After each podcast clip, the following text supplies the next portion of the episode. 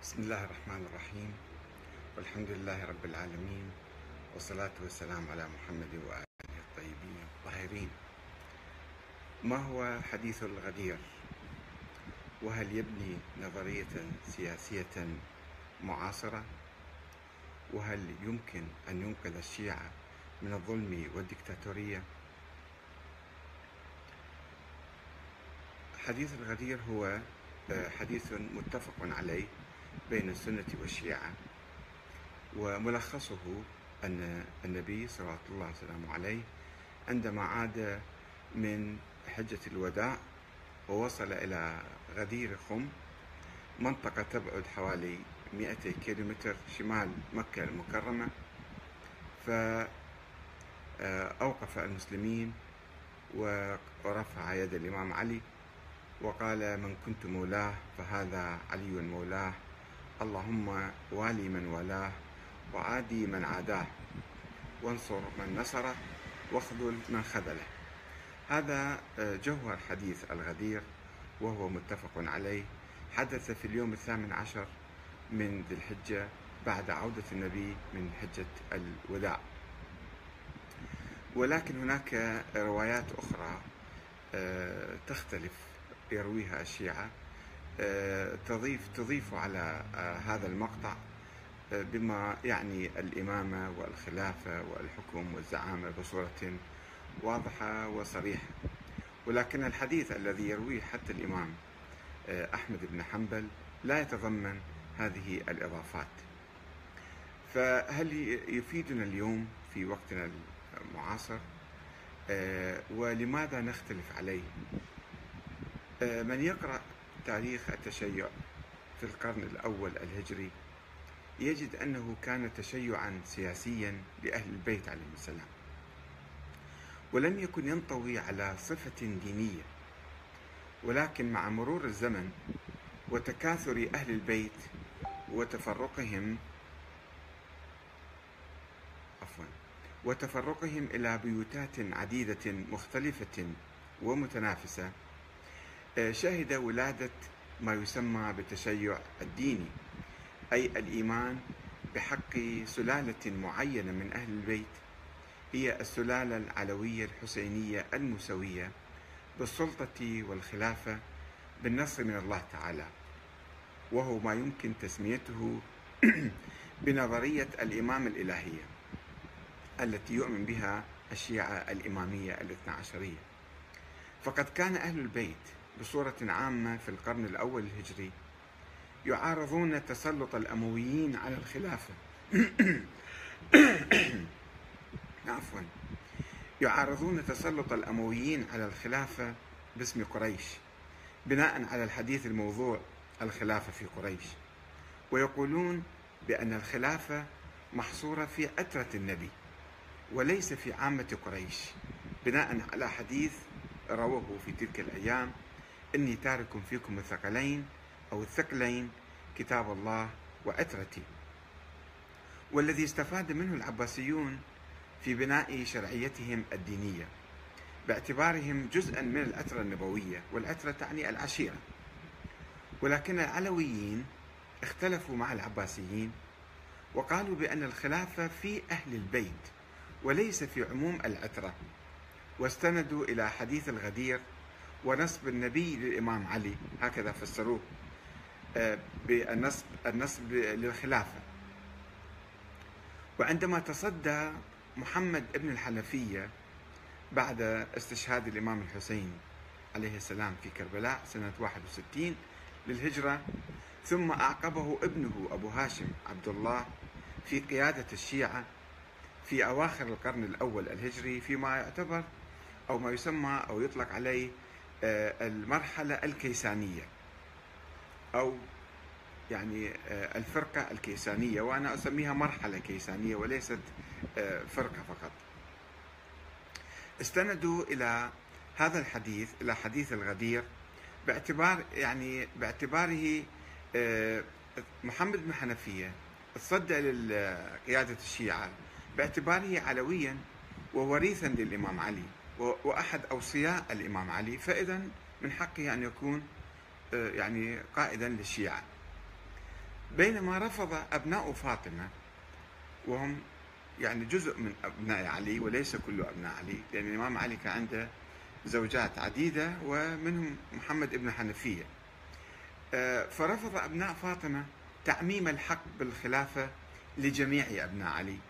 وقالوا بحصر الحق بالخلافة والإمامة بأبناء فاطمة فقط لكي يخرجوا الكيسانية وأبناء محمد بن حنفية من حلبة الصراع السياسي.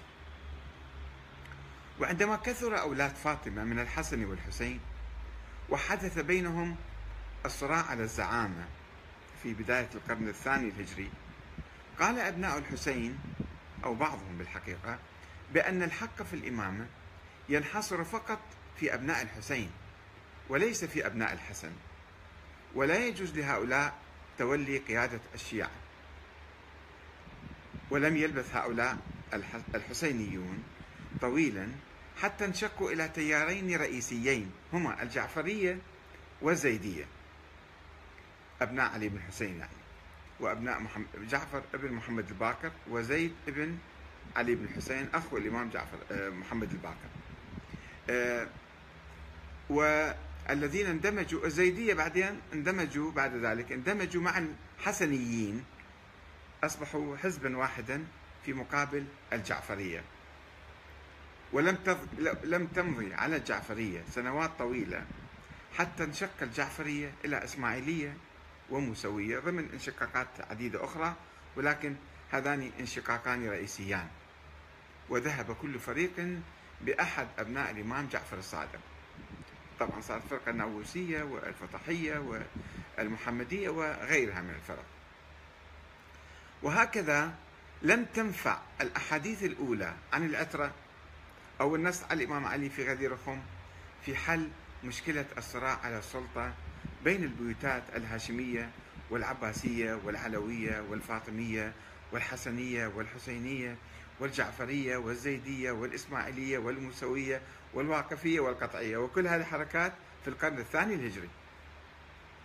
وإذا كان الشيعة بصورة عامة قد تجاوزوا تلك الخلافات السياسية القديمة الموغلة في التاريخ لعدم وجود زعامات سياسية أو دينية من أهل البيت اليوم بالرغم من اعتقاد الشيعة الاثني عشرية بوجود ولد غائب للإمام الحسن العسكري ولد في منتصف القرن الثالث الهجري ولا يزال حيا وغائبا حتى اليوم وسيظهر في المستقبل وأنه المهدي المنتظر إلا أن الشيعة انفصلوا عن نظرية الإمام الإلهية عمليا واضطروا لابتداع نظريات سياسية جديدة بديلة آه، عن عن نظرية الإمامة. كنظرية الحكم الملكي الصفويين وغيرهم والقاجاريون أو الحكم أو القيادة المرجعية أو الجمهورية الإسلامية تحت ولاية الفقيه أو حتى الشورى والديمقراطية كما هو في العراق مثلا وفي بلاد أخرى. وبالتالي فقد أصبح الجدل القديم حول معنى حديث الثقلين أو حديث غدير خم. ودلالة هذا الحديث على الولاء الروحي أو السياسي أو الديني لأهل البيت هذا الجدل أصبح بلا معنى. وذلك لأنه لأن الزمن تجاوزه. والأحداث آه، آه، الزمن والأحداث تجاوزت الفكر السياسي الشيعي الإمامي القديم. ومن هنا فإن تكرار الجدل اليوم حول حديث الغدير وأنه ماذا يعني؟ أنه كان حديث عابر أم كان نص بالإمامة. هذا الجدل لا يحمل أي معنى إيجابي بل ربما يضر بالوحدة الإسلامية ويزرع الأحقاد والكراهية للصحابة الذين يفترض أنهم حسب التفسير الحديث بمعنى النص بالإمامة آه، أنه هؤلاء خالفوا الرسول واغتصبوا الخلافة من الإمام علي وأهل البيت وهذا ما يؤدي إلى الفتنة بين السنة والشيعة بما يحمله ذلك الجدل العقيم من مواقف سلبية غير مبررة تجاه الصحابة بناء على فهم خاطئ ومتطرف لحديث الغدير وهم لم يفهموا لا الإمام علي ولا أهل البيت لم يفهموا من حديث الغدير معنى النص والخلافة والإمامة الدينية السياسية. فلذلك الحديث والجدل حول هذا الموضوع غير ذي معنى. وفي الحقيقة يجدر بالشيعة اليوم الذين لم يبق من هويتهم إلا الاسم يجدر بهم أن يكرسوا جهودهم لبناء النظام السياسي المعاصر واكتشاف الوسائل الناجعة والمفيدة في مقاومة الدكتاتورية واللصوصية ونهب الأموال. وسيطرة الدول الكبرى على بلادهم من أجل إنجاح التجارب الديمقراطية الوليدة والهشة والضعيفة. هذا هو المهم اليوم.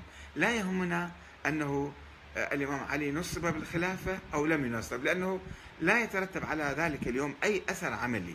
لا يمكن أن يعني آه، أن نستفيد من هذا الحديث أو من هذا التأويل لهذا الحديث.